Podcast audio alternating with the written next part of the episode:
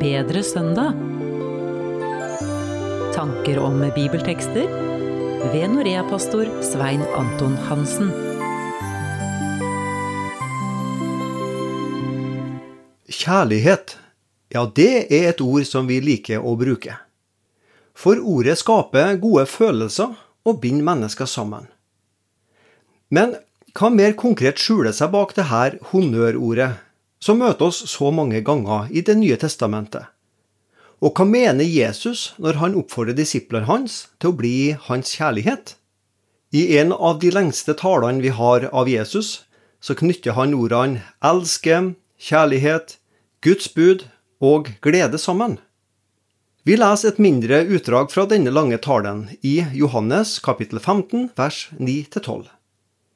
Like som Faderen har elsket meg, så har jeg elsket dere. Bli i min kjærlighet. Hvis dere holder fast på mine bud, da blir dere i min kjærlighet, liksom jeg har holdt fast på min fars bud og blir i hans kjærlighet. Dette har jeg talt til dere, for at min glede kan være i dere, og deres glede blir fullkommen. Dette er mitt bud, at dere skal elske hverandre, liksom jeg har elsket dere. Som sagt er de her setningene et utdrag fra en lengre tale i Johannes kapittel 14-17. Den holdt Jesus den siste påska. I kapittel 15 her hos Johannes så starter Jesus med å bruke bildet av et tre om seg sjøl. Han er det sanne vintre, mens disiplene er greinene. Som greinene får sevje og liv fordi de går ut fra trestammen. Slik får disiplene del i Guds kjærlighet og det guddommelige liv, fordi de har blitt en del av Guds familie. Som disipler har vi blitt poda inn som levende greiner på det sanne vintreet. Fra Gud Fader flyter kjærligheten til Jesus, og fra Jesus så flyter den videre ned til disiplene. Jesus elsker de troende på akkurat samme måte som Gud Fader elsker han sjøl. Jesus var, er og vil alltid være ett med Guds vesen og hans kjærlighet. Derfor oppfordrer Jesus disiplene også til å bli værende i hans kjærlighet. I denne oppfordringen ligger det noe vedvarende. Det handler ikke om bare å droppe innom Guds kjærlighet når det passer oss, eller når vi måtte føle oss verdige til det. Nei, Guds uendelige og ubetinga kjærlighet både får jeg og trenger jeg å bli værende i. Og Jesus han fortsetter med å si noe konkret om hvordan vi kan bli værende i hans kjærlighet.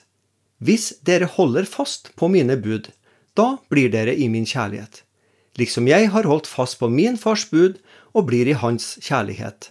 Vers 10. Bibelen har flere ord for kjærlighet og det å elske. Her i bibelteksten fra Johannes 15 bruker det sterkeste ordet agape. Det uttrykker den guddommelige kjærlighet. Denne kjærligheten elsker ikke på grunn av noe elskverdig med meg, men heller på tross av den jeg er og det jeg gjør. Dypest sett kan bare Gud sjøl fullt ut ha og praktisere denne formen for kjærlighet. Hva vil det si å elske Jesus? Jo, det er den som holder fast på mine bud, som viser at han elsker Jesus. Tidligere i kapittel 14 så snakker Jesus både om å holde hans ord og om å holde hans bud. Ord og bud er begge uttrykk for Guds vilje. Jeg viser at jeg elsker Gud når jeg har en inderlig ønske om å følge og holde Hans gode vilje. Ikke minst når denne viljen koster meg noe, eller den går mot det som til enhver tid oppleves som politisk korrekt. Tro på Guds ord og en vilje til å være lydig mot Guds bud, det er testen på om jeg er en sann disippel av Jesus. Jesus bruker verbet å holde fast på. Det jeg holder fast på, det tar jeg vare på, bevarer det som en kostbar skatt. Akkurat på samme måte som jeg passer på overvåker noe verdifullt, slik at det ikke skal bli røva fra meg. Den som elsker Jesus, vil passe på at Guds bud, Guds ord, ikke glipper ut av hodet og hjertet, men blir bevart i livet sitt. Det mest avgjørende viktige og verdifulle jeg eier, det må for alt i verden ikke mistes.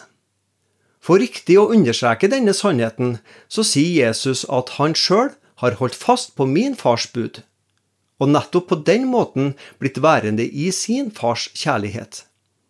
Jeg viser min lydighet til Jesus når jeg ønsker å holde hans bud og gode vilje.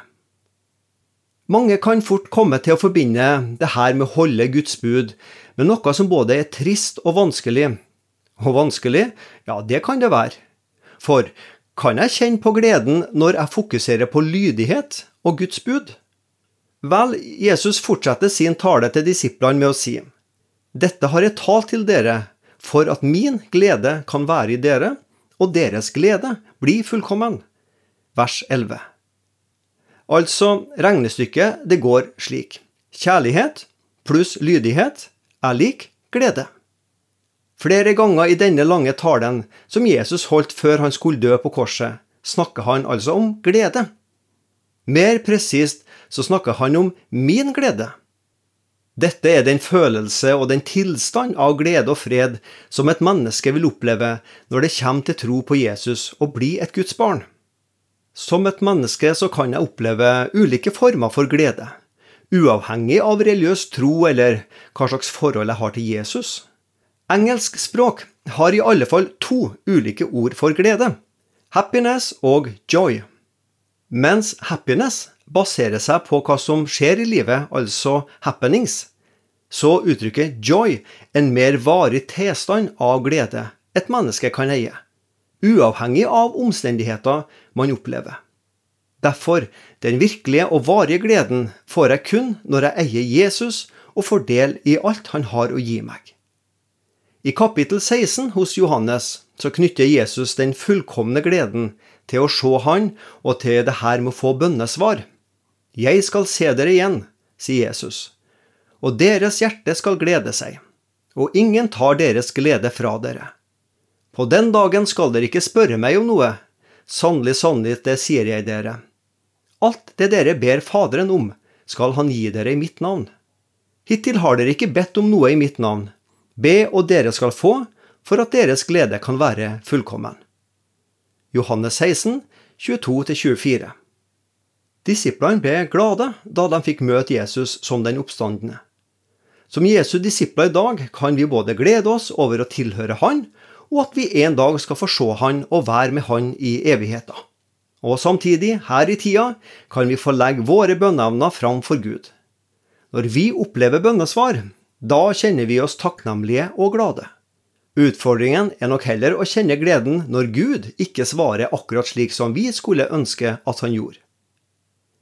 Jesus avslutter bibelavsnittet her fra Johannes 15, 9-12 med å gjenta oppfordringen om at vi skal ha kjærlighet til hverandre.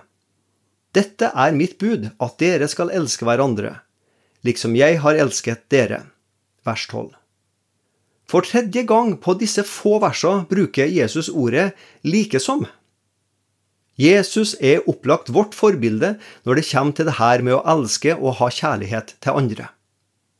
Likesom, på samme måte som Jesus elska, skal vi strekke oss etter å ha en større fylde av Guds kjærlighet. I det påfølgende verset sier Jesus konkret hvordan han elsker. Ingen har større kjærlighet enn den som gir livet for vennene sine. Vers 13. Jesus snakka ikke bare om kjærlighet, han praktiserte kjærlighet ved å gi sitt liv på korset, for sine venner, vi som på grunn av våre synder også var Guds fiender. Gud viser ikke sin kjærlighet ved å si at han føler så mye. Guds kjærlighet vises ved praktiske gjerninger, ved at han ofra sin sønn for våre synder. Jesus ga sitt liv for dem som hadde synder, og viste seg som motstandere av Guds vilje. En slik fiendekjærlighet setter standarden for alle tider for Jesu etterfølgere. Du har lyttet til Bedre søndag med Norea-pastor Svein Anton Hansen. Du finner Bedre søndag på noreapastoren.no.